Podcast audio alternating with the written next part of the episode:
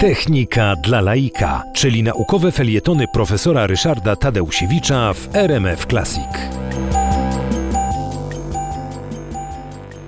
Aleksander Fleming, wspaniały e, wynalazca i właściwie no, chemik, e, lekarz, mikrobiolog, odkrył e, penicylinę zupełnie przypadkowo.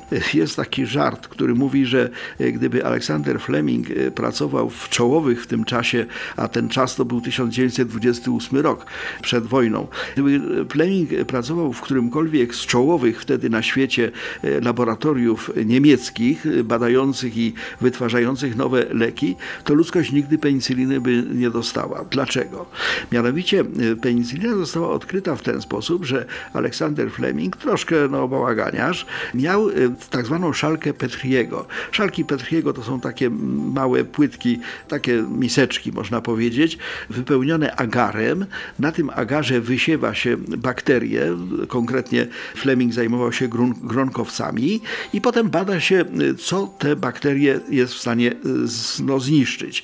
Takie bakterie na agarze wyglądają jak takie, takie plamki, szare plamki, które jeżeli y, dobrze leczymy, to one się zmniejszają. Jak, jak źle leczymy, no to te, te plamki się powiększają. Można gołym okiem oceniać zjawiska mikroskopowe, to znaczy działanie związane z bakteriami.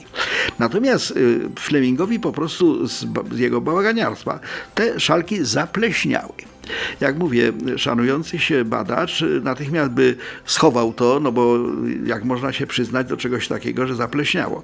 A tymczasem on zauważył, i to była genialna sprawa, on zauważył, że tam, gdzie pojawiła się pleń, nie ma No i y, potem dalsze badania, no bo jak mówię, odkrycie było w 1928 roku, natomiast y, tak naprawdę penicylina weszła do obiegu w 1945 roku, więc w związku z tym y, no, jeszcze długa droga była, bo trzeba było wydobyć właśnie ten, tą substancję, którą produkowała pleść i y, zastosować do, do leczenia ludzi. Niemniej jednak no, genialny y, Fleming y, otworzył przed ludzkością zupełnie nowe dziedziny, mianowicie antybiotykoterapii. A dlaczego to zrobił? No bo był baganiarzem.